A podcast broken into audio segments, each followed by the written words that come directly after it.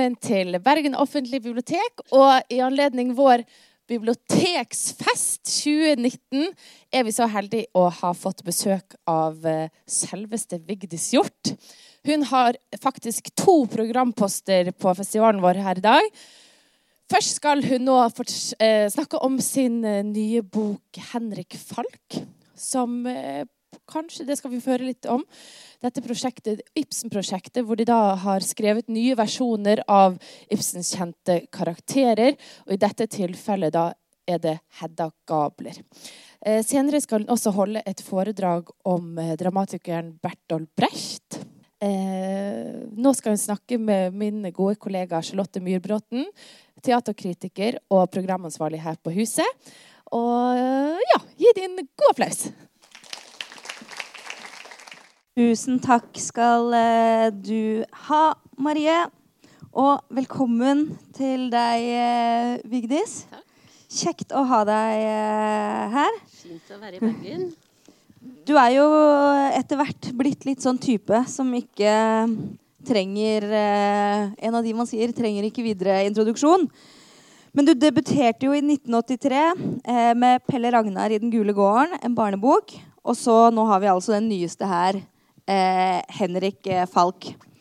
Og før vi liksom begynner å snakke litt eh, mer inngående om den her, og litt eh, eh, også om det videre forfatterskapet Du har jo vært eh, Du har blitt svær i USA.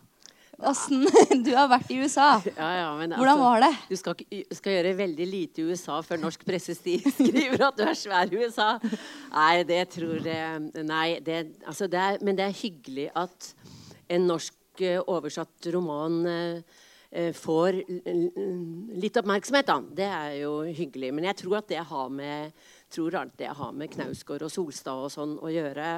At de rett og slett har de har litt åpna øynene for at små land kan uh, At det kan skje ting i små land. da. Og det er, jo, det er jo bare kjempefint. Men uh, jeg kan gå på fred i gaten der. Kan jeg love.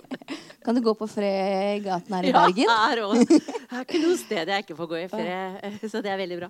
Men hva du har du har gjort? Har du vært liksom på arrangementer og lanseringer? Ja, og... vært, ja det er liksom ambassadene som, som mm. står for disse arrangementene, hvor de inviterer da norgesvenner og presse og sånn. Mm. Og så er det da arrangementer i bokhandel forhandlere.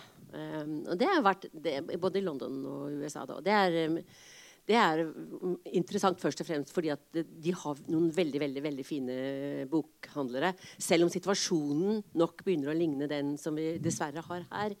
Hvor de blir færre. Men det er noen som er veldig, veldig, veldig svære og fine. da. Og det er, mm. det er liksom oppløftende å, å se. Eh, det er jo arv og miljø vi snakker om eh, som eh, breaker i USA. Her hjemme er det jo aktuell med Henrik Falk, som er jo, som Marie nevnte innledningsvis, et prosjekt på en måte om Henrik Ibsen. Det er jo ikke sikkert at alle her er eh, ennå blitt så Henrik Falk-nerds. Så Kan ikke du fortelle litt om prosjektet, og hvordan det i det hele tatt kom i stand? Ja, altså det er, det er, eh, et, eh, det er noen forlag. Et det norske Oktober, altså tre Raddis-forlag egentlig. Rosinante i København, som nå akkurat har blitt slukt av danske Jylland for øvrig. Og så Natur og kultur i Sverige som syns det er litt sånn dumt at ikke vi leser hverandres litteratur mer. Sverige, Danmark, Norge. Og så har de liksom tenkt skal vi lage en form for samarbeid. Og så har de jo sett til eh, det engelskspråklige prosjektet om Shakespeare, eh, hvor eh, flere forfattere har valgt eh, skuespill av Shakespeare og på en måte modernisert eller tolket osv. Margaret Atwood eh, f.eks. og Jo Nesbø, som har skrevet om Macbeth og tenkt at ja, men kanskje vi skal gjøre noe lignende, men da på den store store norske, den store nordiske forfatteren Henrik Ibsen. Og også fordi han virket sammen med August Strindberg og den tida eh, i, i Norden da det moderne gjennombruddet kom. Og det var et felles gjennombrudd for alle de landene hvor du hadde liksom Georg Brandes, den store kritikeren, og du, og du hadde Ibsen, og de var i Paris sammen. Og, og verden så til eh, Norden, faktisk. Mm. Um, og så har de da bedt en dansk, en svensk og en norsk forfatter om å velge seg et Ibsen-stykke. Uh, og skrive inspirert av det. Og utover det ingen, ingen begrensninger. Ja, men Du hadde ikke noen andre regler eh, enn det? Nei, ingen Du- andre regler. Kunne du velge stykket selv også? Ja, Jeg kunne velge stykket selv. ja. Og du valgte jo da Hedda Gabler. Og jeg tenkte kanskje du vil eh, lese litt eh, innledningsvis? Det, da har ikke jeg boka med Nei. meg, men jeg har kanskje du ja. Tok jeg deg litt på Nei, senga nei, det går nå? bra. Nei? Men skal jeg bare lese fra begynnelsen, Ja. eller? ja, du kan jo det. Så kan eh, folk eh, liksom få satt eh, feelingen ja. litt. grann. Idet de landet, forsto han at det hadde vært et selvbedrag å lengte hjem. Han hadde reddet seg gjennom dagene ved hjelp av tanken på hjemkomsten, men da flyet tok bakken, kjente han bare en enda større tyngde enn den han hadde slept rundt på i den lille leiligheten svigerfaren hadde leid i dem i Nis. Han hadde fryktet at han, vil, han ville komme til å kjede seg. Ja, Idet reisen kom på tale pga. bekkenløsningen, hadde han kjent en slags skrekk ved tanken på å være alene med henne i over en måned. Før det hadde de knapt vært alene mer enn et par-tre timer sammenhengende, bortsett fra nettene. Alt hadde gått så fort, fra de ble et par til den plutselige graviditeten som den gangen for snart sju måneder siden framsto som en slags løsning. Det hastig arrangerte bryllupet, flyttingen med alt det medførte av praktiske gjøremål og samvær med andre, den nye stillingen på bensinstasjonen som han den gangen han begynte hadde innbilt seg at kunne fungere som et springbrett. Men til hva, til hva? Så naiv eller desperat han måtte ha vært. Tanken på allerede dagen etter å måtte gå opp dit og inn det lille støvete avlukket fra baksiden kvalmet han. Han gruet seg til det slik han hadde gruet seg for reisen fra den ble bestemt. Han hadde pakket med seg en mengde bøker. Han hadde til hensikt å lese for i hvert fall å, å få noe ut av det, som han hadde formulert det for seg selv. Roy Jenkins Churchill-biografi og van Goghs brev til broren. Legen hadde nedlagt forbud mot annen fysisk aktivitet enn rolige spaserturer. Og selv om det gjaldt henne, hans kone, lå det i kortene at han skulle være solidarisk med henne, stå og gå rolig ved hennes side i hennes fart. Han hadde pakket bøkene ned og ut og lagt dem på skjenken i stuen i den dystre lille leiligheten i første etasje for at hun skulle slippe å gå i trapper, men ikke klart å lese i hennes nærvær. Han hadde bladd opp på første side, men den alltid tilstedeværelsen, pusten hennes, hindret ham i å komme inn i bokas rytme, og alle de små tingene hun sa som ikke var til å svare på, mens man vent, som hun likevel ventet svar på, virket det som, for når han ikke svarte, sa hun navnet hans, Henrik, på en liksom bydende måte, gjorde det umulig å komme inn i bokas univers. Han syntes han kjente hennes forventning om svar som vibrasjoner mot hodet. Er det ikke litt kjøligere i dag? Jeg lurer på hvordan det går med mor hos øyelegen. Tusen takk. Takk, takk. Um, hva slags forhold eh, har du til eh, Ibsen i utgangspunktet? Og hva du tenkte når du fikk eh, regne med at det her kanskje kom som en mail? Eh, en? Eh, nei, jeg fikk en telefon. Ja. Uh, og så bare si at det er jo Hedda tar- Gabler jeg har valgt. Ja. Ja. Eh, og eh, nei, altså jeg har et sterkt forhold til Ibsen. Og jeg tror at alle norske forfattere de forholder seg til Ibsen på et eller annet vis. Men jeg tror at dess eldre vi blir, dess mer skjønner vi storheten hans. Fordi du, du, du må faktisk være vel, ganske belest før du skjønner hvor, hvor krevende det er, det han, han uh, gjør. Altså hvor, og hvor smart det er løst. Uh, så, så får, og så er det jo liksom alle de, de som har et forhold til norsk språk, må jo forholde seg til til Ibsen. Altså, det, det er så mange måter, talemåter, ting vi sier, som er hentet fra, fra ham. Altså, jeg husker sønnen min da han var aldri lest en bok i, i, i hele sitt liv. Han, da han var et par og tjue, så var han veldig veldig ulykkelig forelsket og eh, ringte fra Swansea og var eh, kjempeulykkelig. Ja, skal jeg komme over? liksom? Ja, kan du det? Så jeg husker jeg, vi gikk ut på Swansea på disse heiene utover, og jeg prøvde å fortelle liksom om, om dette med at evig eies kun det tapte. ikke sant? Det er jo bare det du, det du ikke har, som du kan eie evig. ikke sant? Han er ikke så dum, han Ibsen! ikke sant? Slik at det er, det er så mange sånne ting som, som å skrive er å holde dommedag over seg selv. altså Det er et masse, masse, masse. masse. Um, så, men hvorfor jeg valgte Hedda Gabler, er jo fordi Hedda, eh, altså jeg skal ikke dra hele stykket, men jeg kan jo si det veldig fort. altså Hedda Gabler, generalens datter. Um, som jo da eh, liksom er vant til å ride på hesten med fjær på hatten, og som har hatt flere friere. Og litt tilfeldig. Eh, så, og der, akkurat det svarer ikke Ibsen helt egentlig godt på. Hvorfor ender hun med Jørgen Tesman, som er en kjedelig pedant og et bokmenneske. Eh, men, men hun ender i hvert fall, hun blir gift med han, og de kommer hjem fra en bryllupsreise som har vært så som så. Og han, Jørgen Tesman han er sånn type som han har vokst opp med to tanter, og disse tantene er sånne småborgerlige, opptatt av gardiner alt det der, der. Og hele det språket de fører, er jo ikke Hedda er for stor for det, på en måte. Og typisk for Jørgen Tesman er at når tantene kommer med hans broderte tøfler Å, så rørende! Se, Hedda! Tøflene mine! Jeg har lengtet etter dem på bryllupsreisen. Nå kan du bare tenke deg hva slags bryllupsreise det har vært når han har lengtet etter tøflene sine. liksom. Og, og, og, og hun, Hedda ekles jo ved ham, ikke sant? Men så kom jo Eilert Løvborg. Den overskridende eh, barndomskjæresten hennes som fortalte om sitt elleville liv. Han er jo tørrlagt alkoholiker når han kommer, men han har gjort lykke ved å skrive en bok. Og så ender det med intriger som jeg ikke skal fortelle om. Men det gjør i hvert fall, og generalen sa at hun leker jo med pistoler. ikke sant? Så ender det med mot slutten av stykket har hun spurt dem, Jørgen Tessmann, som plutselig har liksom begynt å samarbeide med Eilert Løvborg For hun har fått Jørgen Løvborg til å ta livet av seg. da. Og fått tak i hans nye manuskript, som kan revolusjonere verden, og brenner det. ikke sant? Og så da spør hun er det ingenting dere kan bruke meg til. Nei, nei, bare hold på, Hedda. Og så bare tar hun pistolen og skyter seg. Og så er det en tolkning som er veldig vanlig i, i norsk litteraturhistorie, og som bl.a. Toril Moi har gjort, som handler om at Hedda hun er bare for stor for denne verden. Og at, eh, at Ibsen var opptatt av Nietzsche og det overmennesketeorien. ikke sant? Altså er, vi orker ikke være nede i det lave. Noen mennesker er etslet for noe høyere. Og, og liksom at det er derfor hun holder ikke dette ut, at hun tar livet av seg. For hun vil noe som er skjønt og vakkert. Og hun vil at liksom Eilert Løvbart skal ta, ta, ta livet av seg på en vakker måte liksom, og gir ham pistolen. Og, og blir skuffet når han, når han eh, ikke har gjort det, men at har omkommet på annet vis. Og nå skal hun liksom en representant for det skjønne. Og det har jeg alltid tenkt at nei, det, kjøper ikke det.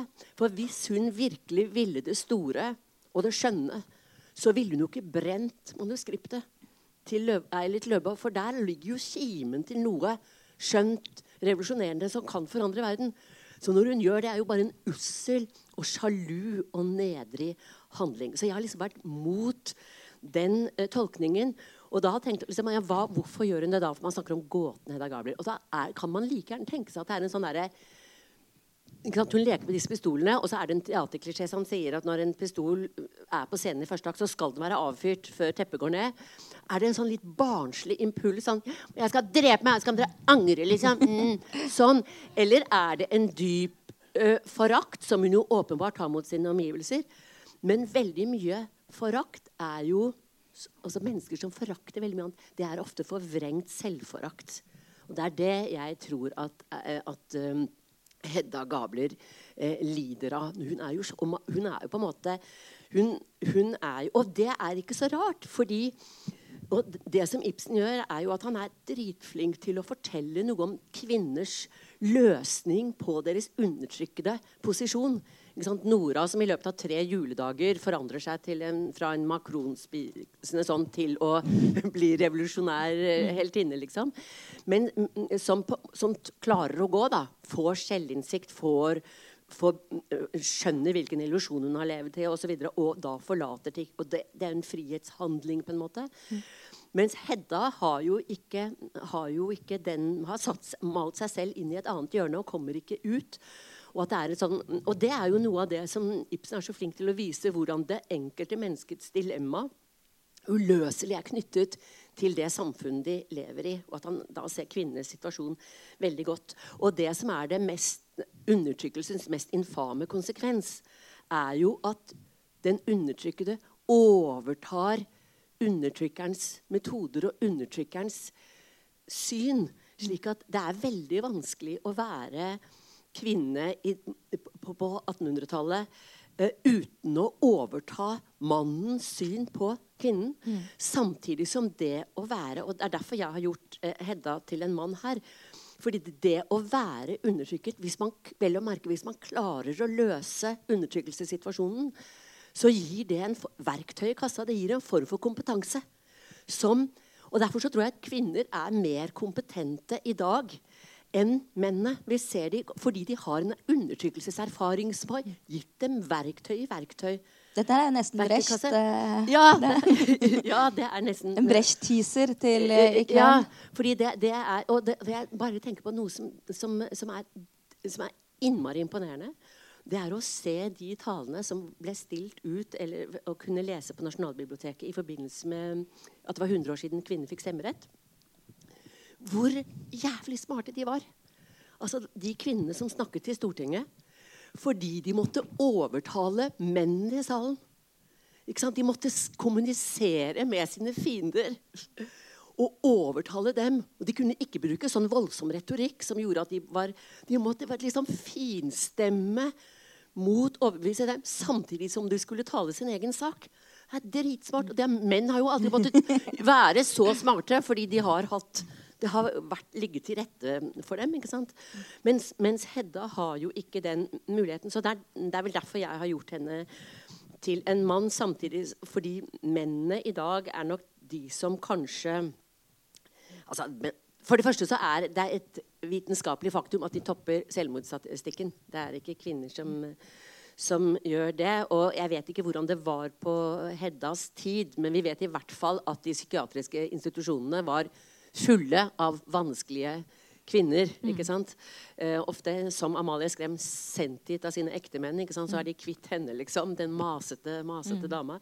Eh, samtidig som menn i dag jo er tvunget til, selv om jeg går ut fra at de også har glede av det, og håper det, men de er på en måte tvunget til å forholde seg til det som tradisjonelt har vært den lille kvinnenes, den lille verden. da, Kvinnenes domene må forholde seg til unger og barnepass og, og sånn. Og sånn som det ser ut i Elsa, som han da er kommet til å gifte seg med, fordi han ja, han, har jo vært ute, han er en redersønn. Jeg ser for meg at han bor i Vestfold. Et sånt lite sted hvor redersønnene tradisjonelt, men også i dag, har liksom nyter respekt. De bor på solsiden i store villaer osv. Det er veldig klassedelt nede i Vestfold. Ja, for du, eh, som du leste, der kom jo Henrik Falk, liksom vår Hedda Gabler. Eh, du har jo bytta veldig miljø fra mm, liksom det typiske borgerskapet og kunstnermiljøet som er i Ibsen sin, til noe veldig samtidig, men også noen helt andre klassemarkører. For han, ja, som sa, han er redersønn, men nå har gifta seg inn i en bensinstasjoneiers familie. Det er jo eh, menn som har penger, men som kanskje ikke har noe Du skriver om at de har sånne puter hvor det står 'Home, sweet home' og eh, Kan du fortelle litt om hvordan disse valgene med å eh, Hvilke ulike klasser som står opp mot hverandre, og dette kunstmiljøet og disse rike, men fattige på kapital. Og, for det er, det er en litt annen salig røre enn det er i Ja. den salige røra hos Ibsen. Ja, fordi at det er fordi at det, det, Hvis det skal gjelde for folk flest, da, gjenkjennelig, så er det liksom noen andre ting. Men altså denne redersønnen, eh, altså generalens datter, som har en affinitet til Eilert Løvborg, forfatteren, den frie Eilert Løvborg, har jo sittet og fortalt om erotiske eventyr og nettene han var ute og ranglet hele tiden. og sånn. Mens Henrik Falk, denne redersønnen som all, i disse små byene nyter stor respekt. Men det viser seg jo at da faren dør, så har han jo så har fa- faren etterlater seg et konkursbo. Så han på en måte, Og han prøver å redde seg ved aksjer. og på en måte, Det får han ikke til, og så står han der litt sånn hjelpeløs. Og så Han føler vel at han har ingen mor. Og det er ganske interessant i Hedda Gabler. Det finnes ingen mor. Vi vet at Jørgen Tessmann har opp, vokst opp med to tanter. Vi hører at faren hans, Jokkum, er død. Men vi hører ikke noe om moren, og vi hører ikke noe om moren til Hedda. Det er bare generalens far. Så jeg men, men så vi har, Henrik Falk har liksom ikke en mor, det er faren og sønnen. Og så prøver han å redde seg ved aksjer, og han føler at han har vært ute på en sånn farlig storm og en seilas. Og da kommer denne Elsas foreldre, dette stabile, borgerlige livet, framstår som en trygg havn etter å ha vært ute alene på havet. Men alle som har vært ute på havet i storm, vet at så, og så kommer man endelig til en liten havn. At de kan bli veldig fort bli veldig, veldig kjedelige. Men det er klart at han har også hatt en affinitet fordi han hadde en sommer med Tale Løvli, er det vel hun heter. Eh, og vi vet jo alle at mennesker med mye penger de har ofte en affinitet til, til kunsten. Ikke sant? Det finnes så veldig mange av disse døtrene til disse rike folka i Norge. Eh, de driver og maler og har egne kunstutstillinger. For det er veldig enkelt for dem. For de bare leier et, de leier et lokale, og de har kapitalen og penger og, og sånn. Det, det hørtes liksom så classy ut når uh, i Hedda Gabler så er det liksom på en rangel og sånt nå, men de her liksom snorter kokain. Ja, men det er jo det som er det, blir, ja. liksom, Samtiden er så mye mer vulgær på en eller annen måte. Selv om en ja. rangel er en rangel. Uh, en rangel er det, ja, ja. Men, de, men, det er jo litt sånn er, men, men, jeg bare sier en sånn, for det er, det er noe som vi pleier å si til hverandre, at når rikfolk er sammen så snakker de om kunst. Når kunstnerne er sammen, så snakker de bare om penger. Mm. For det er det som er det store, store problemet. Men, men, i hvert fall så har jo han en liksom affinitet slik at når da denne Tale Løvli kommer inn, og er selvfølgelig da Eve Eies kunde tapte. Den han ikke alltid fikk, som ikke har respekt for farens bøffelhode, og som også da er en overskridende liksom, kunstner som gir blaffen i småbylivets greier. ikke sant? Hun blir jo den, tror jeg, som veldig mange menn har, den der mannlige drømmen om den de aldri fikk. ikke sant? Jeg vet jo så mange kvinner som har godtatt, eh, eh, altså, som tilgitt utroskap for å redde ekteskapet. Men det de er ingenting som plager det mer enn at evig ei sekundet tapte at ektemannen drømmer om elskovsnettene med, med elskerinnen. Liksom. Tror du han, Vigdis, tror du han gjør det, liksom? Ja, garantert. Så, så, det er liksom noe med at hun har den statusen i min Henrik Falks liv som, som Eilert Løborg har for, uh, for, Hedda. Men det er jo også noe som jeg tenker på med språket. For jeg tror for et språkmenneske så er det ganske krevende, og jeg lar han jo være et språkmenneske, tross alt, å være sammen med tal, disse talemåtene som jo det finnes i noen kretser av sånne mennesker som ikke går på biblioteket. ikke lever og sånn, hvordan, hvordan, de, snakker i disse talemåtene og aldri kommer forbi det. Og særlig da fordi Else er gravid, og hele det derre begynner å snakke om hva slags skoler dette barnet skal gå på, hvilke som er gode, hvilke som er fine. hvordan, ikke sant, hele den der, at lage alt fra bunnen av hele dette som er småborgerskapet, middelklassen, å følge skrevne og uskrevne regler fra, fra stilen på undertøy til middagsgreier til altså, det er jo helt, Og hvis man det attpåtil ikke bare følger disse reglene, men snakker om dem hele tiden, at det fyller hele hodet, det er jo til å bli gal. Ja da. Mm. Men jeg tenker jo sånn, nå skal jeg ikke røpe slutten, men jeg tenker jo at hvis hvis jeg kunne møte min Henrik Falk, og for så vidt kanskje også Hedda, så ville jeg liksom gitt dem litt sånn Søren Kirkegård. Mm. Du skjønner at det å være et ganske alminnelig dødelig menneske, det er en oppgave. Gave. Og en tillitserklæring fra oven. Vær det da med all din inderlighet og fynn og klem og all ditt ansvar, og ikke drøm om den der dumme so, eh, jordomseilingen eller å gjøre det stort i USA eller bli president eller Det er oppgaven her og nå akkurat der du er. ikke sant? Og det å være takknemlig for det du har altså, Hvis han bare kunne snu seg fordi den derre lengselen bort, og forakten og selvforakten i forhold til egen tilværelse, det er jo ingenting som gjør mennesket mer dumt og slemt. Man blir jo ikke, blir jo ikke god av, av, det der. Og handlingslammet som det. Så jeg tenker på sånn, For å komme tilbake til liksom Brecht altså, eller, hva, hva, skal vi gjøre, liksom? Det er i hvert fall i forhold til den lille handlingsrommet vi har, være snille mot hverandre. Ikke ha så mye forakt. Prøve å møte hverandre, være greie. Altså, det er både den, den forakten som Henrik har eh, i forhold til omkring seg. Selv om jeg, de som leser, jo sier at hun der Else er så forferdelig irriterende. At, uh, og det kan jeg jo forstå. Jeg har jo laget henne. Jeg er jo jeg som har ansvaret for henne, for å si det sånn. Så, og, og, det, og det, det, kan jeg kjenne meg igjen i, men det å prøve å, å jobbe med, med, med egen forakt, da. Mm.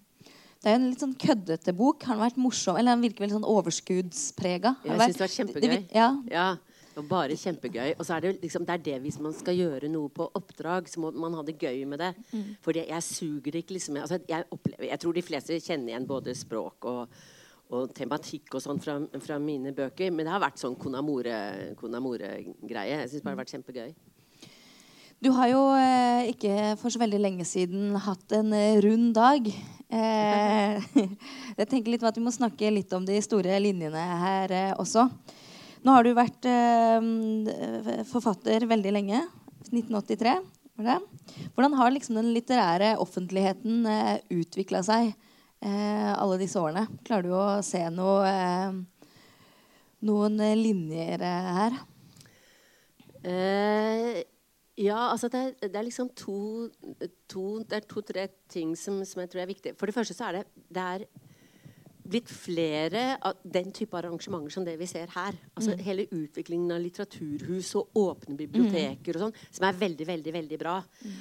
Um, så jeg syns på en måte at, at liksom sånn det som skjer omkring litteraturen, er kjempe Det er, veld, det er mye, kan, mye mer enn det var før. Og det har sikkert med litteratur, utviklingen av litteraturhus, åpningen av bibliotekene å gjøre. At folk kan gå, de kan snakke. Det er flere ting som foregår. Kafeer. Mm. Kan drikke øl på kvelden. Mm. altså sånne ting. Så det, det er veldig, veldig fint. Og også at man på disse litteraturhusene klarer å sette eh, litteraturen sammen med andre ting. At jeg kan snakke om Bertolt Brecht, ikke bare om boken som kom i, mm. i fjor. og sånn. Så alt det der er veldig veldig bra. Men jeg tror nok jeg tror det er eh, vanskeligere å, å, få å komme gjennom lydmuren for uh, unge, unge, forfattere. Eh, det kan, også, og, det, eh, kan, og det kan jo liksom bekymre meg der. Det var lettere da jeg og og Ingvar Ambjørnsen og Lars Saabye og, og Roy Jacobsen og Gro Dale og Beate Grims. Altså, vi, vi, har hatt det hatt lettere for å på en måte bli, bli synlige. da. Mm. Det tror jeg skal mer, mer til, selv om jeg syns det, det, skjer veldig veldig mye spennende i, i norsk samtidslitteratur. Mm. Særlig kvinnene stormer jo, stormer jo fram mm. Og er, er, jævlig dyktige. Men jeg tenker på, jeg er livredd for de litterære ordningene våre, som er de beste i verden. Hvis vi fortsatt har den regjeringen som har nå, så går de snart løs på dem også, som privatiserer liksom alt og, og, og sånn. Og, og stipendiet tar de vekk statsstipendet. ikke sant? Mm. For det gjør jo Og det bare, bare stresse det. altså Karl Ove Knausgård skriver jo helt tydelig, om enn indirekte, i Min kamp 6 fordi familien lever på femårig statsstipend. Hadde ikke han fått statlig stipend i fem år, eh, forhandlet fram for av, av Forfatterforeningen, ville det verket ikke sett apropos USA, det ville ikke sett dagens lys uten det stipendet. Og Det samme gjelder Jon Fosse. Levde på stipend helt til han slo igjennom. Det samme gjelder Per Petterson. Så alle vi er stolte av ute i verden, de har levd på stipender og fått tid til å utvikle seg. Og Hvis vi begynner å røre på den ordningen, da må vi, da må vi lage revolusjon. Mm. Eh, Charlotte. Da må vi, men det, akkurat det, det er jo det vi er litt redd for. At det skal bli vanskeligere for unge folk til å få tid til å fordype seg og, og finne sin egen unike stemme. og sånn, For det tar tid. altså. Mm. Har det vært perioder i livet når det, Nå er jo du en veldig sånn takknemlig gjest å invitere. Det er alltid Fulle hus. Alltid gøy å høre på deg. Men har det vært perioder hvor det har vært liksom sånn 10-15 stykker og hørt på deg? Når du ja. har vært på kulturhus og bibliotek? Ja, og... ja, ja, jeg husker en gang jeg, Hva heter den stedet utenfor Haugesund hvor det er en øy som lager Karmøy? sild? Karmøy? Ja. Nei, ikke Karmøy, for den er for stor. Det er en mindre øy. Skudeneshavn? Nei, det er, det er, en liten øy hvor de lager noe sild. Utsira! Jeg skulle på Utsira. Og jeg, jeg, tok, jeg tok, da liksom, fly og båt og, og drosje, og det var ikke måte på. Jeg skulle bo på et lite hus på Utsira. Og det var det sånn leide uten gardiner. Og jeg skulle ha oppdrag da om kvelden. Og da hele øya Det er en liten øy. Så gikk alle innbyggerne og så inn i dette huset som plutselig var bebodd. da. Og når jeg kom på biblioteket, så var det en pike på seks år, en dame på 82. Men det var, det var, bare morsomt. Og så er det liksom ikke sant, Det er sånn som som, det er sånn der, Du kan tenke deg når jeg sittet og Det er det som er morsomt. sittet og og, øh, og vært, um, hatt bok ute sammen med Anne-Kat. Hærland f.eks. Nå hadde jeg en humorbok, og sånn, så sitter jeg med en eller annen roman. da? Og så er det liksom tre mil kø fram med henne. ikke sant? Og så er det noen som sier 'Hvorfor skriver jeg alltid så mye når jeg signerer?' Jo, det er for dette var det én som skulle kjøpe bok. Da måtte jeg bruke jævlig lang tid. da. Men ellers har jeg sittet i kjøpesenter, ikke sant? så kan du tenke deg, så kommer det en sitter, sitter jeg i kjøpesenter, og så kommer det en bort sånn, så, se på boken. Mm, se på meg. leser, blar litt opp, ser på meg, leser, legger den fra seg og går. Men det er bare det at man har opplevd så mye sånt, så er det liksom altså man, det, det, Når vi kommer sånt, enten her eller kommer i en bokhandel, så er de som har arrangementet, så redde for at vi skal bli lei oss og sånn. Men vi har alltid opplevd noe som er veldig veldig mye verre, og skriver bare inn historien. Jeg husker Bjørg Vik, min gode, nå avdøde kollega, hun laget alltid en sånn når forfattere var sammen, sånn derre samtale Din verste kritikk, liksom. Er aller verste. ikke sant? Og det er så gøy. Og da sitter vi bare det er om å gjøre å ha den virkelig verste. Og hvis du sitter der og ikke har hatt noen dårlig i det hele tatt, så er du utafor. Mm. Men det er det ingen som har, da. Så, sånn sett så er det vi Så tror jeg man blir sånn ganske sånn hardfør av å være der um, ute. Og så vil jo folk uh, som regel bra, da. Og så mm. lærer man seg til å og jeg husker en gang da jeg uh, hadde utgitt Det var vel fransk åpning så ringte det en venninne av meg og sier sånn Stakkars deg. Stakkars deg. Ja, hva har skjedd, liksom? Har du ikke lest det? Nei. Det er forferdelig. Liksom. Stakkars deg. Og så sier jeg OK, hva står det der, liksom? Nei, på slutten står det 'Gå heller på huk for å bli kåt'. og så og var jo jeg så Da gikk ikke jeg og hentet Aftenposten den dagen. For jeg tenkte hvis jeg gjør det, så blir jeg bare så opphengt i det der, og noe som er feil. Og så begynte jeg å skrive, kom jeg til å ville skrive innlegg, og så kom jeg ikke til å få gjort noe annet. Og så får jeg ikke jobbet videre med det jeg jobber med. og sånn. Så jeg hentet ikke Aftenposten, og en måned etterpå så hadde jeg, jeg var nestformann i Forfatterforeningen og jeg hadde ansvar for presten. Så jeg hilser da på presten. Sånn. Eh, 'Velkommen, velkommen, velkommen.' Og så var det en mann som var så, en ung mann som så veldig rar ut. Så sier jeg, 'Hva var det med han?' Nei, det var han som slaktet deg i Aftenposten. Og da forsto jeg at når jeg sa sånn 'velkommen', så betyr det sånn. Det betyr ingenting at du har slaktet meg i Aftenposten.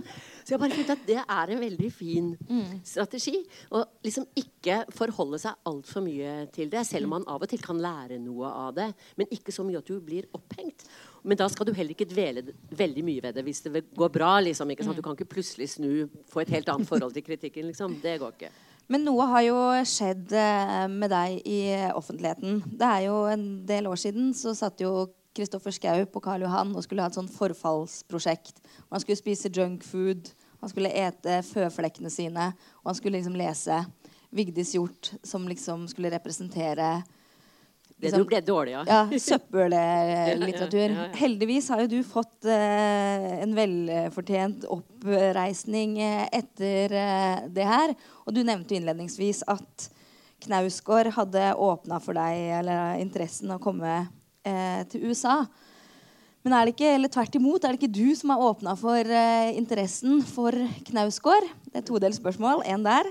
Eh, og det andre, hva, når liksom skjedde denne vendinga hvor folk fikk øynene opp for at ikke bare nyere ting du har skrevet, er bra, men også de gamle tinga som eh, folk så på som kanskje litt sånn kvinnegreier, eh, navlebeskuende, eh, ikke så høyverdig og allment. Mm. Nei, altså, det, et, nei, altså Knausgård har jo et helt eget særlig prosjekt som jeg digger vilt. da, så, bare, så det er sagt. Eh, og han gjør jo noe som kanskje ikke så mange menn har gjort før. Så kan vi godt si at kvinner har gjort det, det før og sånn, men, eh, og, men det, det, altså det, jeg tror er liksom viktig her, er at det, um, at det um, så lenge det er noen som tror på det du gjør, og som er bra, så tror jeg forfattere er veldig flinke til å liksom, sånn, på en måte, fokusere på det. Så jeg har hatt noen veldig gode kolleger. Husker f.eks. Einar Økland som jeg satt i styret for Forfatterforeningen og sa han, Vigdis, du må bare være der og være der og være der. og være der. Ikke sant? Altså, det er sånn der, og Jeg husker at jeg har sittet og forhandlet med Bokklubben med, en, med Kjartan Fløgstad og diskutert liksom, forlagspolitikk sånn med han. Og han har vist meg liksom, respekt for at jeg, jeg skjønner hva det snakker om. Torvald Steen altså, Nå nevner jeg menn, for kvinner har alltid vært der. Mm. Altså, Herbjørg Wassmo, Bjørg Vik At de var dikterdronninger når jeg var ung. De var kjempe... Bjørg Vik inviterte meg til Porsgrunn hjem til seg. Herbjørg Wassmo alltid veldig sjenerøse og har visst om disse Så det, det, Når du har noen sånne folk rundt deg, så blir du mye tøffere i forhold til Og så er det noe med å konsultere da bare for å si det i forhold til Fordi det er Altså verden står ikke og venter på den nye geniale kvinnelige forfatteren. Så faren for å bli overvurdert er veldig liten. Mens verden, og, og Norge, og særlig Norge, venter jo på den nye Hamsun, den nye Ibsen. Og det er ikke bare det at Knausgård tror at han er det. Det er pub publikum og vi som felles offentlighet som også har et ansvar for at vi velger å dyrke på en, på en måte uh, dette. Men jeg, jeg syns at han er at han, han fortjener det. Jeg, har, jeg, jeg, skjønner ikke hva det er. Det er noe, han gjør noe helt fabelaktig. Men hvis jeg skal se på den kvinnelige tradisjonen, da uh, Den første moderne romanen i Norges historie er skrevet av Camilla Collett. Uh, der hun forsvarer kjærlighetsekteskap overfor fornuftsekteskap. Skandale, selvfølgelig. Og noe vi glemmer, var hvor jævla tøft det var da hun, denne boka kom ut i 55, 1855, 54-55. Da hennes mann Jonas Collett døde, så måtte hun velge mellom å bli satt under administrasjon av hans brødre eller gi fra seg ett eller flere barn. Og hun velger det siste. Hun skriver i dagboken sin om hvordan hun går gjennom snøen i Kristiane for, å levere barnet sitt. Sånn var kvinners kår på den tiden. Det er ikke så lenge siden. Og det gjorde hun for å kunne reise fritt og skrive som hun gjorde. Hvilken pris det hadde da. Og så har du da Amalie Skram, som skrev om kvinnelig alkoholisme i hellemyrsfolket. Uh, det er først Jonas, nei, Georg Johannessen som har gitt henne kred på etterskudd for helligmyrsfolket. Og så skriver hun om barnebruden på 17 som ikke har noe seksuell erfaring. Som blir giftet bort til kapteinen som har vært i alle havner i hele verden. Om hvordan ekteskapet går til grunne på grunn av den ulike seksuelle erfaringen. Og en gode venn Bjørn som sier du kan ikke utgi det der forferdelige, vulgære, intime greiene der. Uh, og hun da følte seg veldig skuffet. Ligger begravet i København. Ble jo innlagt av, Amalie, av Erik Skram på galehus fordi hun var besværlig, og skrev selvfølgelig om det, som hun også fikk tyn for. Ligger i København hvor det står 'Her hviler en dansk forfatterinne'. Så har du Sigrid Undset som åpner sin første roman med setningen 'Jeg har været min mann utro'. Hæ?! Ikke kom med noe sånt! Utro? Du er jo gift! Ikke det, er, skal, de er ikke utro. Gifte kvinner er ikke utro. Ikke i litteraturen. Og i hvert fall ikke ellers. Og det var, jo, det var, jo, ikke bra. Og så har du da Torbjørn Nederås Nei, de, eh, som skriver eh, Ikke Torbjørn Nederås. Eh, som skri, jo, som skriver om illegal abort. Mm. Selvfølgelig Torbjørn Nederås som skriver om illegal abort. Foredrag det, om eh, Nederås i auditoriet etter, etter det her. Ja. ja. Det er bare løpende etterpå. Ja, det er løpende. Og så og så da eh, eh, Herbe Wassmo som skriver om incest sett fra et barns synspunkt. Altså, det er bare en så stolt kvinnelig tradisjon som har sett det som sin oppgave eller Uansett om de har gjort det eller ikke, så, så, har de kastet lys inn der hvor kvinner og barn har levd i skygge og stillhet. Og det er jo bare sånn derre skal ikke kla klage på Skal ha ikke noe å klage på, altså. Mm. Sånn, så det Så nei, nei, det Jeg, jeg, eh, jeg syns bare ting er, eh, har gått helt uh, Men Merka du Er det noe sånn konkret skifte? Du må ha kjent på det at det plutselig var en sånn annen tone i hvordan man omtalte bøkene dine og ja, jo da, jeg husker, jeg husker Ja, jeg tror faktisk det kom med det, Jeg tror kanskje det kom med om bare. For der var lesningen veldig, veldig delt. Mm.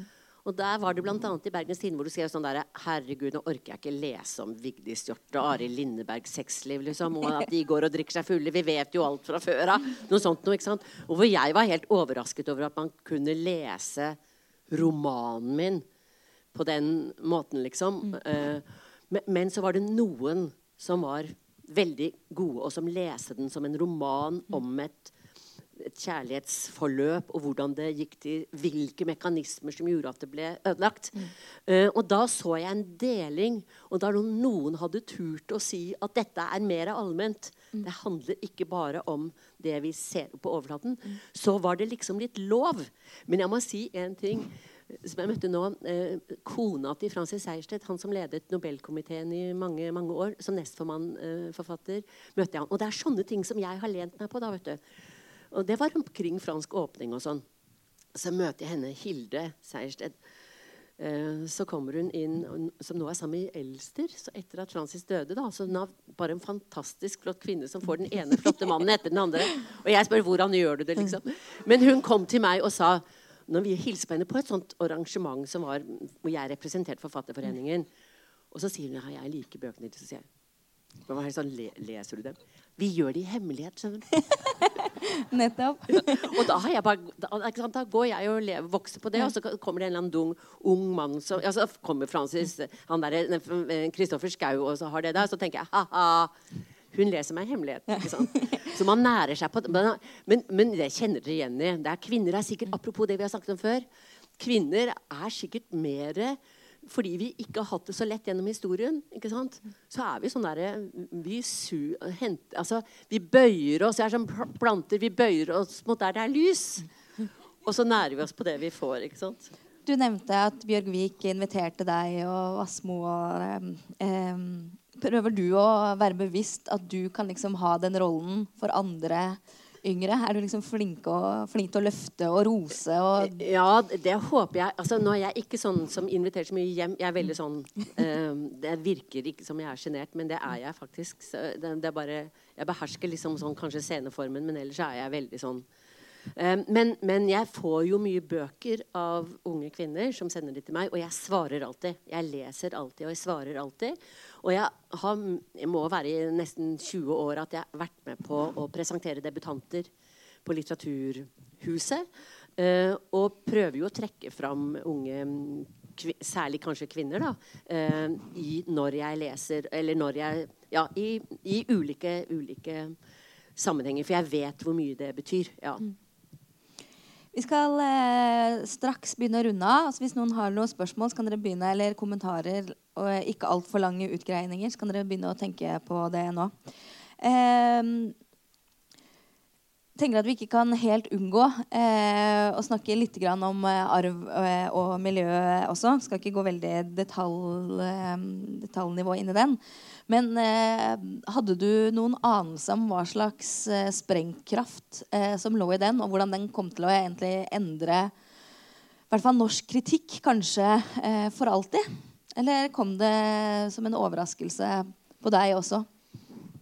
Altså det, nå er det, liksom, det, er, det, er, to litt sånn ulike reaksjoner, på en måte. Det, eh, for én ting var jo altså da, altså den kritikken å gå etter i sømmene og alt det der.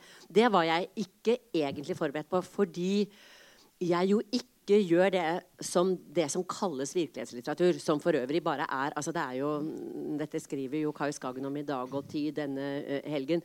Men altså, det har jo alltid vært sånn altså, er, Hvis man tror at romanen liksom alltid har vært liksom sånn fiksjon som science fiction, så er det bare tull.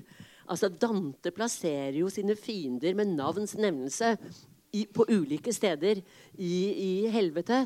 Uh, og den franske brevromanen er jo rett og slett brevvekslinger også navn som er utgitt. Altså, romanen har alltid vært veldig tett på, tett på, uh, på virkeligheten. Og altså, mine forfatterkolleger, vi er 400-500 i Norge, de skiller seg hele tiden. Uh, og så, uh, helt rutinemessig, året etter en skilsmisse, skriver, romanen, så skriver forfatteren en roman om en skilsmisse. Og da er det selvfølgelig noen som kjenner seg igjen. En ekskone eller eksmann eller en elskerinne. og bap, bap, De kjenner hverandre igjen. Det er en liten krets der. Og, og så, men når denne romanen selger i 200 eksemplarer, så er det ingen som bryr seg. Så det, det Karl Ove Knausgård gjør altså Nå bruker han navn på mennesker som eksisterer, da. Men det har det også vært gjort mange ganger, ganger før. Men det er den voldsomme gjennomslagskraften som er forskjellig, ikke mm. egentlig grepet. Altså Det er selvfølgelig volumet. Eh, men det er, så, så, det har vært Og Thomas Espedal og sånn. Men jeg gjør jo ikke det, og har aldri brukt navn på mennesker som eksisterer. Og jeg har heller aldri i intervjuer sagt 'dette er sant'. Mm. Altså selv om det ligger i, Når disse gutta sier at det er sant, så ligger det i kortene at de sier 'sant for meg'. Ikke sant? Så det, så det har jeg aldri gjort. Så derfor så var det litt uvant. Eller litt, jeg var litt overrasket over at, at eh, akkurat den romanen skulle liksom begynne å faktasjekkes mot, mot, virkeligheten. Altså hvor mange porsjoner sannhet, hvor mye sånn, Mens alle som jo har erfaring med, med romanskriving, han vet at det, disse tingene går opp i en høyere enhet hvor du ikke lar seg på en måte uteske. på den måten. Hvis du skulle forfølge logikken til Aftenposten eh, eh, som da, Den gangen så er det sånn eh, Geir Gulliksen har skrevet en roman. Eh, Marianne Bang-Hansen sier Nei, men jeg kjenner meg igjen der og der, og andre kjenner meg igjen.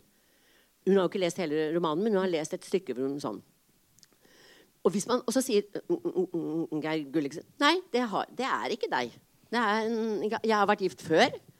Og jeg har vært gift to ganger før. Og jeg er gift nå. Og jeg har hatt kjæreste i mellomtiden. Det er ikke deg. Det er lam. Ikke sant? Så, hvordan skal du sjekke opp det? Hvis du skal komme videre derfra? Jo, da må du ta bilde av alle disse kvinnenes underliv. Og så må du lese det mot romanen. Og så si, ja, det, er, altså, det, er, det, er helt, det, er, det sier seg selv at det er tullete. Det går, det går, ikke an. Men det som jeg jo vet, det er jo at det er jo min familie som ga denne informasjonen til Aftenposten.